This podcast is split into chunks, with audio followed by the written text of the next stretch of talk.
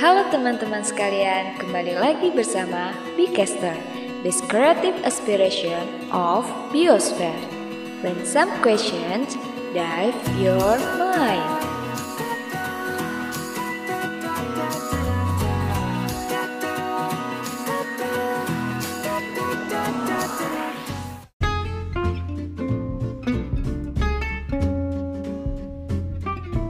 Mas Fahri sebagai seorang yang telah menorehkan sejarah emas di dinding organisasi kampus, ada nggak pengalaman yang mengesankan yang tidak bisa terlupakan hingga sekarang? Baik itu pengalaman baik maupun pengalaman buruk selama berkarir menjadi aktivis kampus. Jadi untuk kesan baiknya adalah seperti ini. Uh, saya bisa merasa tersenyum atau merasa senang jika memang apa yang saya sampaikan itu diimplementasikan. Itu pertama. Yang kedua adalah saya bisa mendorong teman-teman lainnya untuk bisa berkembang sesuai dengan passion masing-masing. Nah, di sini apalagi masuk tahun kedua, saya banyak belajar mengenai pengembangan sumber daya mahasiswa. Di sini bagaimana saya belajar mengkader, terus dikader, terus esensi dari pengkaderan dan lain-lain. Itu banyak saya pelajari di tahun kedua. Yang membuat saya membanggakan adalah bagaimana jika kita bisa mendorong orang jika memang dari orang memiliki potensi yang sangat baik namun banyak orang yang masih malu-malu atau kadang butuh dorongan. Nah itu menjadi kesan pertama bagi saya bagaimana saya bisa mendorong orang. Kalau boleh cerita ada salah satu kahima di zaman saya waktu itu dia masih malu-malu untuk maju menjadi kahima padahal potensinya sangat baik. Itu saya mempunyai kesan sendiri bagaimana saya bisa mendorong ia kemudian menjadi kahima yang sukses pada zamannya waktu itu itu merupakan sebuah, sebuah prestasi sendiri menurut saya dan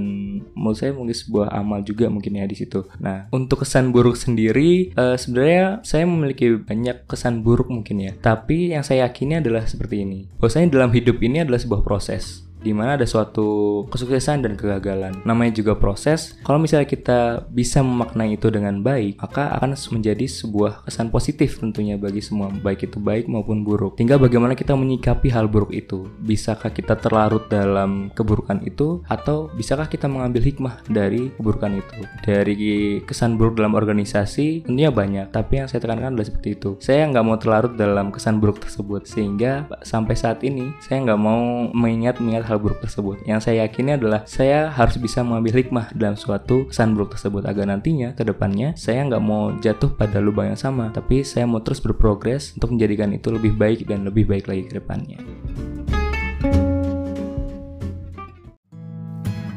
Untuk para Bicasters, jika kalian merasa ini bermanfaat, jangan bilang kamu akan diam saja.